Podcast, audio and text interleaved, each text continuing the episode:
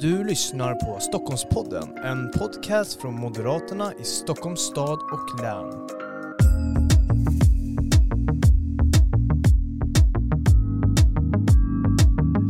Varmt välkomna till ännu ett avsnitt av Stockholmspodden. Det här är Moderaterna i Stockholms stad och läns podcast där vi pratar med våra främsta företrädare men också med andra aktörer och experter från, från andra positioner i, i samhället. Och idag ska vi prata en väldigt aktuell fråga. Det är nämligen så att vi ska beröra den Brommautredning som släpptes idag den 31 augusti. En fråga som vi har pratat om mycket tidigare här i Stockholmspodden och en fråga som verkligen är viktig för Stockholmsregionen men såklart också hela Sverige. Och för att göra det här så har vi med oss Maria Stockas, trafikpolitisk talesperson för Moderaterna. Och så har vi med oss Karl Bergqvist, näringspolitisk expert från Stockholms handelskammare. Varmt välkomna hit båda två. Tack så mycket. Tack så mycket. Tack. Så, vi ska prata då om den här Brommautredningen och jag tänker så här att jag drar en liten en background, en liten bakgrund först och eh, idag har ju då Magnus Persson, presenterat den här utredningen om Bromma flygplats och underlaget kring om det går att göra en tidigare avveckling av Bromma och hur det i sådana fall ska gå till. Och han har ju då landat i den här slutsatsen att det går att stänga Bromma flygplats i förtid och då flytta kapaciteten till Arlanda på kort sikt. Och en avveckling kan ske tidigast 2025, säger han då i den här presskonferensen. Och eh, för att börja så tänker jag ändå att ni ska få kommentera den här utredningen först då, och presskonferensen som, som var idag. Vi kan ju börja med dig Maria. Ja, men dels kan man ju säga om den här utredningen, den tillsattes ju innan sommaren och sen som sagt presentationsdatum idag den 31 augusti och eh, bara den liksom, korta tidsrymden för att göra en så pass eh, liksom, viktig utredning säger en hel del om regeringens inställning till den här frågan. Utan det, det är väl Miljöpartiet som vill ha sin, sin vilja igenom och un, eh, försvårar för flygets återhämtning efter pandemin genom att lägga ner en flygplats. Eh, och därför den här snabbutredningen som faktiskt inte var om det går att lägga ner utan hur man ska lägga ner Bromma. Alltså hur ska man gå tillväga för, för att lägga ner Bromma. Så att, Eh, Eh, och dessutom går den ju emot riksdagsbeslut. Eh, där finns en majoritet i riksdagen som, som sa när den här utredningen tillsattes att den borde inte tillsättas nu. Den borde liksom ha helt andra förutsättningar eh, för att titta på flygplatskapacitet. Så det är eh, många frågetecken som finns kvar och eh, framförallt kring hela hanteringen av Brommafrågan från regeringens sida skulle jag säga. Mm. Vad säger du då Karl? Vad är dina kommentarer kring utredningen? Jag vill börja med att säga att jag tycker att Magnus Persson och hans kansli har i allt väsentligt gjort ett väldigt gott arbete utifrån de förutsättningar de har haft. Eh, och saken är den att förutsättningarna har ju inte alls varit bra. Som Maria sa så är det ju först och främst så att de har haft väldigt kort om tid på sig att utreda. Men sen tycker jag att det stora problemet är hela ingången i den här utredningen. Att eh, en fråga man borde ställa sig det är ju hur bygger vi en eh, flygplatsinfrastruktur för Stockholmsregionen och Sverige som står sig efter pandemin och kommande decennier och vad kräver det? Istället för att titta på en nischfråga om hur man ska avveckla en, en flygplats. Eh, vi på Stockholms handelskammare gör ju bedömningen att stänger vi Bromma nu så riskerar vi väldigt snart en, en trafikinfarkt i Stockholms eh, luftrum när eh, flyget återhämtar sig efter pandemin och folk börjar resa igen. För att det, det kommer att ske, det är i princip alla prognosmakare helt överens om. Eh, så jag skulle säga att Magnus har gjort eh, ett så gott arbete han kan utifrån de förutsättningar som är och att eh, utredningens slutsats eh, såklart inte kunde bli annat än fel eftersom att grundförutsättningarna är dåliga. Mm. Och du var ju lite inne på det här med prognosen också, hur, hur flyg kommer vara inne i framtiden. Men på något sätt, om vi ska gå, komma in på det så måste vi ändå kartlägga vad, vad flygtrafiken är idag och flyget, ja, hur flyget har egentligen återhämtat sig sedan pandemin slog till. Maria? Alltså det, som är, det, det, man ser ju en tydlig återhämtning att, för att flyget har börjat återhämta sig men det är ju i dagsläget väldigt svårt att göra någon långsiktig bedömning av hur flygets återhämtning kommer att utvecklas och hur våra nya arbetssätt kommer att påverka eh, resande i, i, både inrikes och utrikes. Så det är ju eh, det är just den här frågan kring och det säger han väldigt, sa han väldigt tydligt på presskonferensen idag också, att det finns väldigt många olika prognoser och de pekar på en väldigt olika liksom, hastighet i återhämtningen. Eh, och det är ingen som riktigt vet hur strukturen av, av liksom flyg, flygstrukturen kommer att se ut när, när flyget liksom har, har nått något nytt normalläge. Eh, så det är ju som sagt, jag skulle säga att det är väldigt svårt att, att, göra någon jättesäker bedömning av hur kommer flygmarknaden se ut när alla effekter av pandemin har klingat av. Och det är det som är en väldigt stor, viktig punkt och kritisk punkt från vår sida när det gäller nedläggningen, förtida nedläggning av Bromma. Man kan inte fatta den här typen av beslut under de här förutsättningarna. Mm. Håller du med om det Carl? Man kan inte fatta sådana ja, beslut. Absolut tycker jag att det är fel att fatta den här typen av beslut nu. Eh, som Maria är inne på så är det, det finns ju många olika prognoser kring vart det här ska ta vägen och, eh, på och alla de prognoser som eh, Magnus Persson och utredningen tittat på har gemensamt att de är relativt kortsiktiga. De tittar en 6-7 år framåt i tiden som mest. Man bygger infrastruktur ska man inte planera för 6-7 år framåt i tiden utan man ska planera för många decennier. Eh, och de långsiktiga prognoser som finns att tillgå indikerar fortsatt att flyget kommer återhämta sig och gå förbi de nivåer nivåer vi såg innan pandemin. Om det nu skulle visa sig så att de prognoserna är helt felaktiga, kan vi då inte vänta ett par år i vart fall så att vi kommer in i det här nya normalläget och utifrån den information som finns på bordet då fattar ett beslut om vad som ska hända. För att där vi befinner oss nu så är det ju fortsatt ett, eh, ett väldigt osäkert läge och eh, jag tycker inte att det är ansvarsfullt att fatta beslut om eh, hur flygplatsinfrastrukturen i Stockholmsregionen ska se ut utifrån det läge vi just nu befinner oss i utan vi behöver komma ur den akuta krisen och som sagt de prognoser som finns visar långsiktigt att människor vill resa, träffa vänner och bekanta och se sig omkring även imorgon och jag tror att det i allt väsentligt är korrekt. Det går inte att ersätta eh, att vandra på playan Barcelona med att kolla på en stream på Youtube utan du vill vara där och uppleva den på samma sätt som du vill träffa och krama dina släktingar och vänner som bor i andra länder.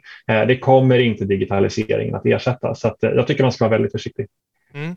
Och man pratar ju en hel del om strukturomvandlingar som den här pandemin för med sig och man har ju pratat en hel del om strukturomvandlingar inom flyget också. Eh, Maria, nu kommer det här beskedet. Kan, vad tror du det här kommer att resultera för, för omvandlingar? Kan vi se strukturomvandlingar för, för flygtrafiken? Alltså jag, jag, tror så att just nu eh, så är det så att den här, hur regeringen kommer att hantera den här utredningen och man, hur man går vidare, det skulle jag säga baserat på det Eneroth sa idag på presskonferensen, det är ganska oklart. Eh, han pratar om att respektera riksdagens beslut och utredaren pratar om att regeringen måste någonstans ändå gå via riksdagen även om de formellt kan fatta beslut själva. Så jag tror att man får, får avvakta och se. Men vi kommer ju göra allt som står i vår makt för att förhindra att, att man fattar beslut i det här läget om en förtida nedstängning av Bromma. För vi tycker inte att det är liksom ansvarsfullt med tanke på liksom både hela landets och, och även Stockholms utveckling framåt. Mm. Jag tänker Karl, din, eh, ditt perspektiv också kring de strukturomvandlingar som, som många pratar om inom flygtrafiken. Kan den här utredningen påverka eh, de här omvandlingarna på något sätt? Vad tror du? Absolut. Jag, jag tänker bara tillåta mig att lägga ut texten något. Att det, vi på Stockholms handelskammare har ju tittat på frågan om hur vi tycker man ska organisera Stockholms eh, flyginfrastruktur i framtiden och gjort en, en relativt djupgående utredning. Och, eh, vår analys och bedömning efter detta är att vi, vi bör över tid försöka samla all flygkapacitet på ett ställe och vi föreslår att det är Arlanda.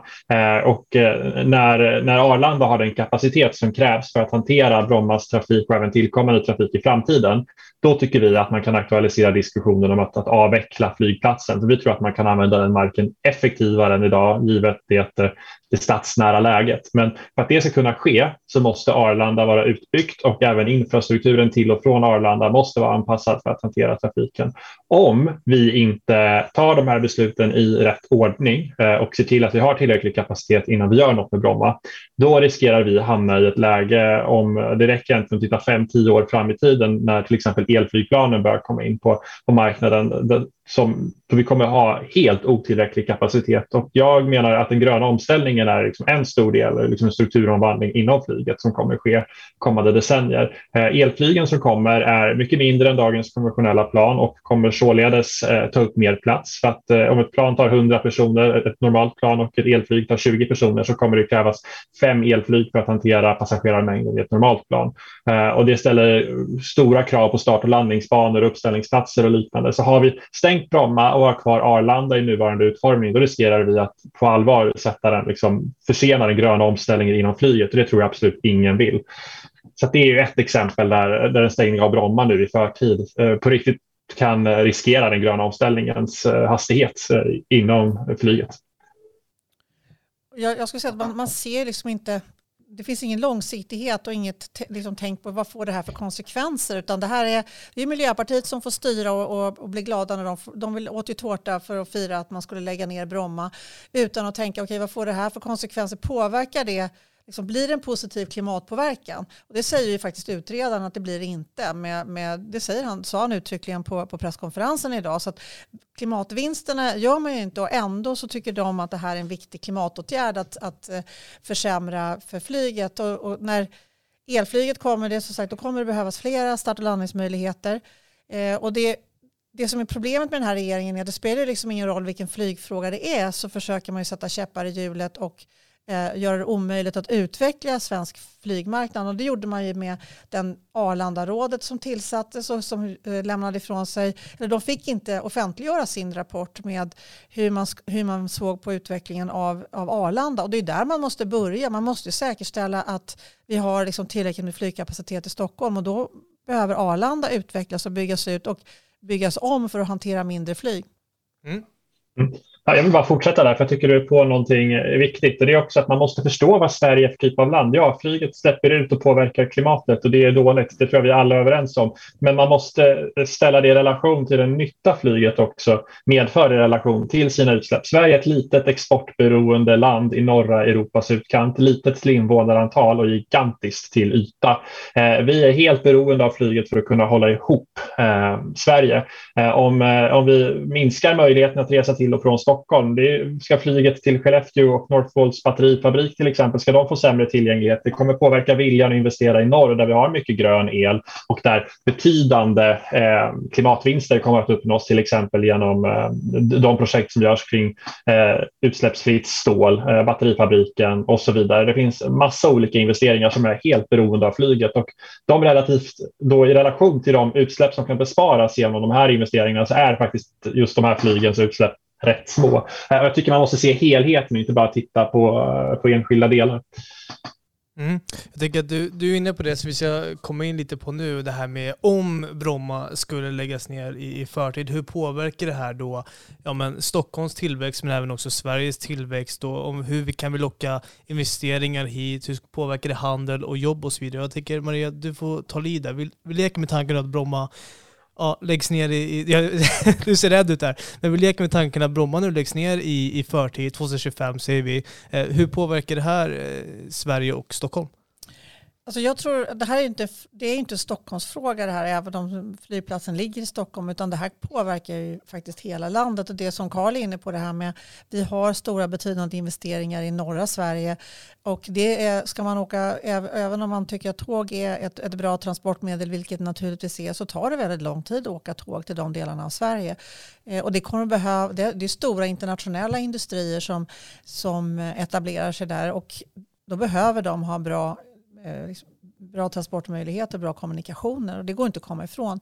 Men det är samma sak, alltså, Visby har vi, vi har Ronneby, det är delar av Sverige som i och för sig ligger i södra Sverige men som inte har, alltså Visby är ju en ö, ligger på en ö så det är ju en del. Men Ronneby har också ganska dåliga alternativa kommunikationer om man ska ta sig till, till Stockholm. Och, och förutsättningarna för att de här delarna av landet ska kunna utvecklas det är ju de här bra kommunikationerna till och från Stockholm. Allt kan inte ersättas med digitala möten. Och jag tror att man underskattar, om man, om man tittar på reaktionerna ute i landet just kring Brommafrågan så förstår man vilken oro det finns för att det här ska bli verklighet. För man ser att det här kommer på allvar att hämma utveckling och tillväxt och jobbskapande i, i flera regioner i Sverige tyvärr. Okej Karl, vad säger du då om eh, tillväxten? Är den hotad om Bromma skulle läggas ner? Jag vill börja med att eh, instämma i det Maria säger, att jag tror att det är jätteviktigt att vi fortsatt har en god tillgänglighet till, eh, till övriga Sverige. Det är jätteviktigt att det går att resa in till Stockholm och också resa ut från Stockholm. Man kan göra ett ärende i stan över dagen och sen åka hem. Ehm, för att I annat fall så kommer viljan att investera i de delarna av landet sannolikt bli, bli lägre och ehm, kommer bli svårare att rekrytera. Eh, så att såklart blir Eh, tillväxten då också hotad. Eh, långsiktigt eh, så är ju risken såklart ännu större. Kortsiktigt så har ju sannolikt också utredaren helt rätt i att man kan svälja en del av trafiken eller egentligen all trafik på Arlanda. Det är ju tillgängligheten då till och från Arlanda som är problemet inledningsvis. Sen på lite längre sikt så, så är det ju i takt med att flyget kommer tillbaka. Vi vill så väl ha tillgång till övriga Europa, andra ekonomiska centrum, ta ja, men typ London, eh, Nederländerna, Paris, eh, Frankfurt, Berlin. Alltså, det finns ganska många ställen runt om i, i vår närhet som vi vill kunna besöka. Och sen vill vi ha tillbaka våra interkontinentallinjer till New York och Los Angeles, Kina eh, med fler. Och alltså, ska alla de här avgångarna samsas med, med lokaltrafiken, då kommer något av eh, någonting behöver stå tillbaka för alla får inte plats på Arlanda i, i rusningstid och i synnerhet om man stoppar in lite elflygplan i, i kalkylen också så kommer förutsättningarna bli ännu sämre att, att få in allting. Eh, så att man måste förstå vad Arlanda är för typ av flygplats. Det, det är en, en peakflygplats där det är hög trafik morgon och kväll ganska lugnt på dagen. Det är klart du kan tränga in jättemycket flyg mitt på dagen när ingen vill resa men det kommer ju inte vara speciellt gynnsamt för, för de destinationer man flyger till, om det är Norrland eller till exempel Kalmar eller någon annan plats som inte har tillgång, utan de behöver kunna resa in på morgonen och ut på eftermiddagen. Så enkelt är det. Mm. Bromma är ju navet för inrikesflyget. Eh, Maria, om Bromma försvinner, vi har ju pratat lite om att Arlanda kan ta kapaciteten och man fastställer ju den här eller utredningen visar ju på att eh, man kan ha det på kort sikt, kan man flytta Brommas, eh, Brommas eh, flygkapacitet till Arlanda. Men, men, jag tänker på lång sikt, om, om vi blir av med Bromma nu, navet för inrikestrafiken, på lång sikt, hur kommer det här påverka Arlanda? Alltså det, risken är ju att det blir, eh, beroende på hur man, man måste bygga ut Arlanda för att kunna hantera liksom en utveckling av flyget i, i, Sverige om man nu tänker sig att vi bara ska ha en flygplats i Stockholm. Eh, men där är ju regeringen ovillig att göra det också. Och då, då, då slutar det ju med att vi helt enkelt begränsar tillgängligheten till Stockholm och till och från Stockholm från, från resten av landet. Det finns ju ingen annan, det går inte, alltså luftrummet och flygplatsen kan inte svälja mer än ett, en, en, en viss kapacitet. Och då kan man ju fråga Swedavia med, med, eh, som drivs affärsmässigt, hur mycket kommer de att prioritera mindre inrikesflyg och om elflygen kommer som tar 20 passagerare som inte kanske genererar så stora in, eh, intäkter på flygplatsen, vilken prioritet kommer de få på Arlanda? Så jag tror att det kommer att få det kommer bli väldigt trångt på Arlanda. Det kommer bli väldigt besvärligt att ta sig till och från Arlanda eftersom kommunikationerna inte är tillräckligt bra. Eh, och i slutändan så, så, riskerar inrikesflyget att trängas ut. Mm. Jag tänker att, vill du tillägga någonting Carl? Nej, absolut inte. Jag tyckte det var eh, sammanfattande. Mm. Jag tänker att vi, vi ska gå in på och leka med tanken om Bromma blir kvar nu eh, till eh, när den ska avvecklas. Eh, vad, vad, betyder det? Hur kan Bromma utvecklas in i framtiden? Vad tror du Carl? Ja, vi tycker ju att eh, Bromma fyller en funktion som är nu, men vi vill ju att den funktionen på sikt ska inkorporeras i Arlanda och göra som, som utredaren sa, att Arlanda ska brommafieras i vissa delar så att man får en snabb in och utresa och god tillgång eh, till, till Stockholm och omkringliggande Mälardalen. Eh, vi är av uppfattningen att eh, de beslut som behöver tas måste tas i närtid kring hur Arlanda ska utvecklas, så att Arlanda är anpassat för för Brommas trafik när Bromma avvecklas 2038. Det tycker vi är den långsiktiga linjen. Jag tror exempelvis inte på idén om att omvandla Bromma till en elflygplats. Vi har räknat på det och kommer fram till att med den teknik som just nu utvecklas och kommer vara dominerande i alla fall kommande 10-20 år eh, så skulle det medföra, då givet planens storlek som är eh, om man kollar på kabinfaktorn, alltså det vill säga antalet resenärer i relation till storlek på planen på flygplatsen på Bromma idag, eh, så skulle det krävas ungefär fem gånger så många plan för att hantera den passagerarmängden. och eh, antalet flygplansrörelser som det kallas för när flygen startar och landar skulle ju då också så att säga femfaldigas, vilket enligt de beräkningar vi har låtit ta fram skulle innebära att det skulle vara egentligen trafik nonstop. Om man tar och lägger huvudparten av trafiken liksom morgon och kväll så skulle det vara avgångar nonstop tre timmar förmiddag, tre timmar eftermiddag och sen dessutom en hel del över dagen och det tror inte vi att stockholmarna accepterar. Och det andra alternativet är att man har kvar lika många flygplansrörelser och då skulle det knappt vara några resenärer på flygplatsen och då är det absolut inte samhällsekonomiskt motiverat att ha en flygplats så centralt som tar upp så mycket yta. Så att vi anser att man ska eh, avveckla Bromma på sikt, men för att det ska kunna ske som sagt måste Arlanda utvecklas. Ja, det, det, man kan säga när man tittar på det här eh, på Arlandarådets slutrapport som ju inte är offentlig men jag har eh, fått chans att läsa den så kan man ju konstatera att 2038 är, är, är, även om man kan tycka att det låter långt bort så är det inte särskilt långt bort om man tittar på alltså, om man ska bygga ut Arlanda med miljötillstånd och det, de, de ombyggnationer och så som behövs. Så att jag är skulle säga att långsiktigt så tror jag att man behöver sätta sig ner och titta ordentligt på, Stockholms handelskammare har gjort en utredning men jag tror att man behöver titta på det grundligt. Hur mm. ska flygplatsinfrastrukturen se ut?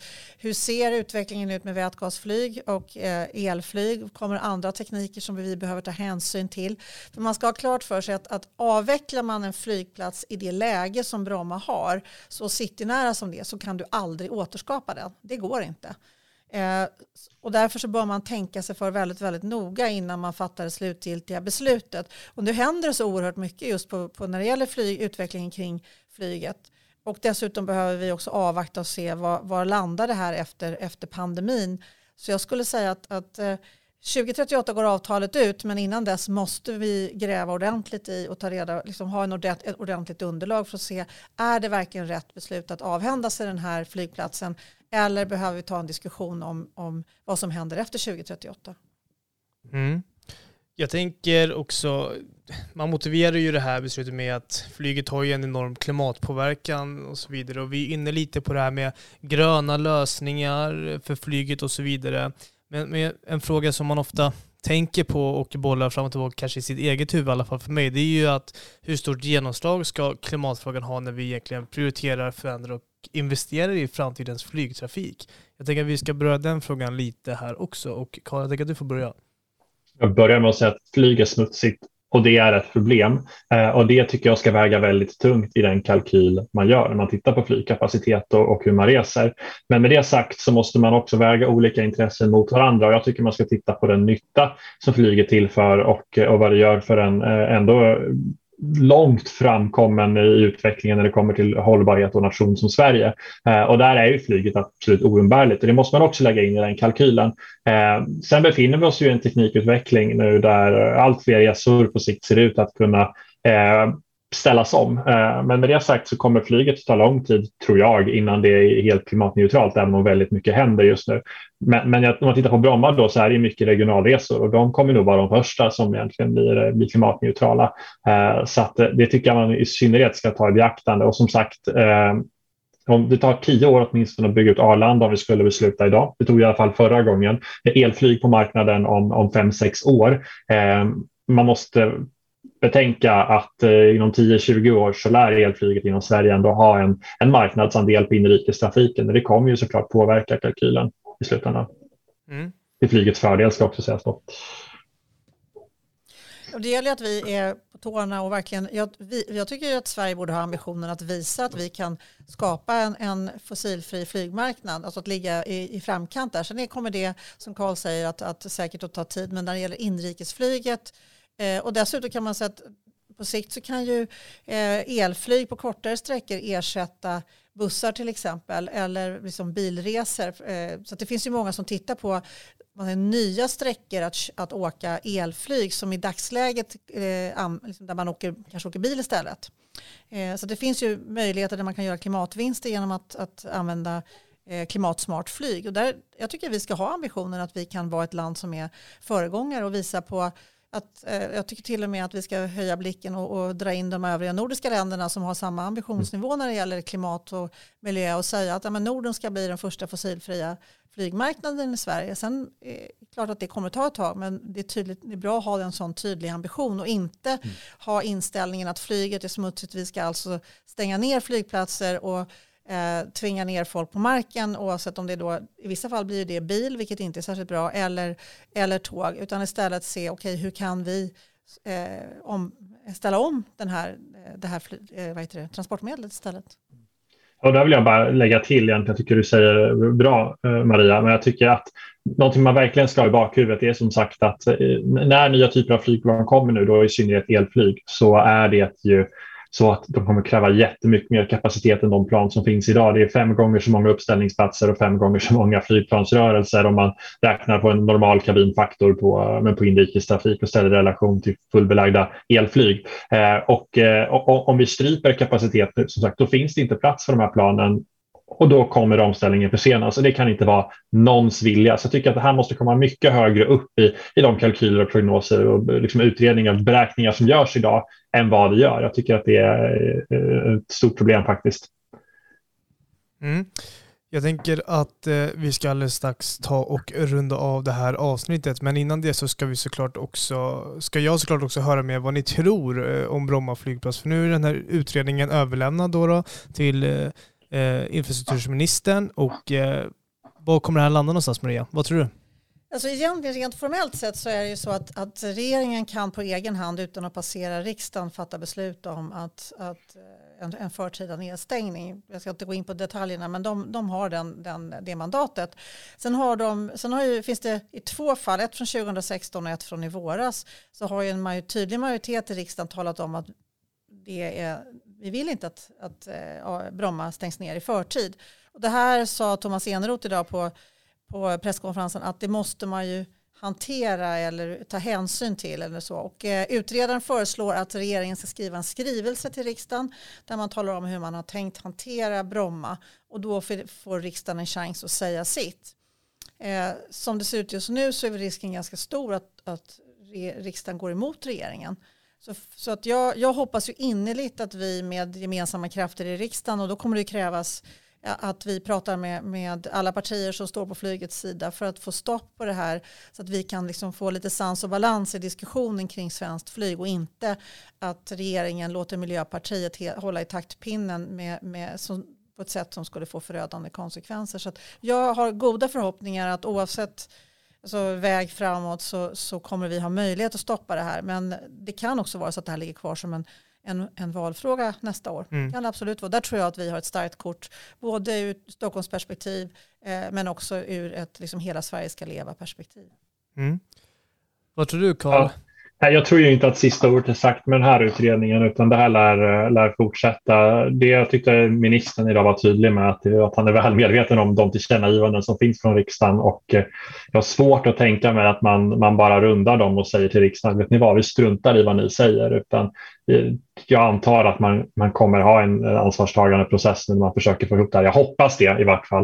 Eh, för att, att bara eh, runda riksdagen och eh, sen driva igenom det här eh, med minsta möjliga förankring, det tror jag inte vore bra för, för någon egentligen. Så att, eh, jag utgår från att mer kommer. Och sen ska man också ha med sig att nu följer en remissperiod på det här, den här utredningen och sen har utredaren sagt att beslut kan fattas först någon gång nästa år. Vad det innebär, om det är efter valet, om det är strax innan valet, det vet vi ju inte. Men, men om man fattar innan valet eller så att säga hotar att ta det efter valrörelsen så tror jag att det här har en, en fråga som har goda möjligheter att leva kvar eh, runt om i hela landet eh, hela vägen in i september 2022. Mm. Alltså där, där är faktiskt Ulf, när han har varit ute, det här har varit en fråga där, där även partiledningen, både Ulf och Elisabeth har ju varit ute och uttalat sig i de här frågorna och Ulf har ju varit väldigt tydlig och även Elisabeth idag att, att eh, blir det en borgerlig regering så kommer ett eventuellt beslut om förtida nedstängning av Bromma att rivas upp. Viktigt besked. Viktigt besked. Ja, det är jätteviktigt besked. Hörrni, eh, vi går nu för in för landning eh, för det här avsnittet. Jag vill tacka dig Karl Bergqvist eh, från Stockholms Handelskammare för att du var med i Stockholmspodden. Stort tack. Tack för att jag fick vara med. Och även tack till dig Maria Stockas, trafikpolitisk talesperson för Moderaterna. Och även stort tack till dig som har lyssnat på det här.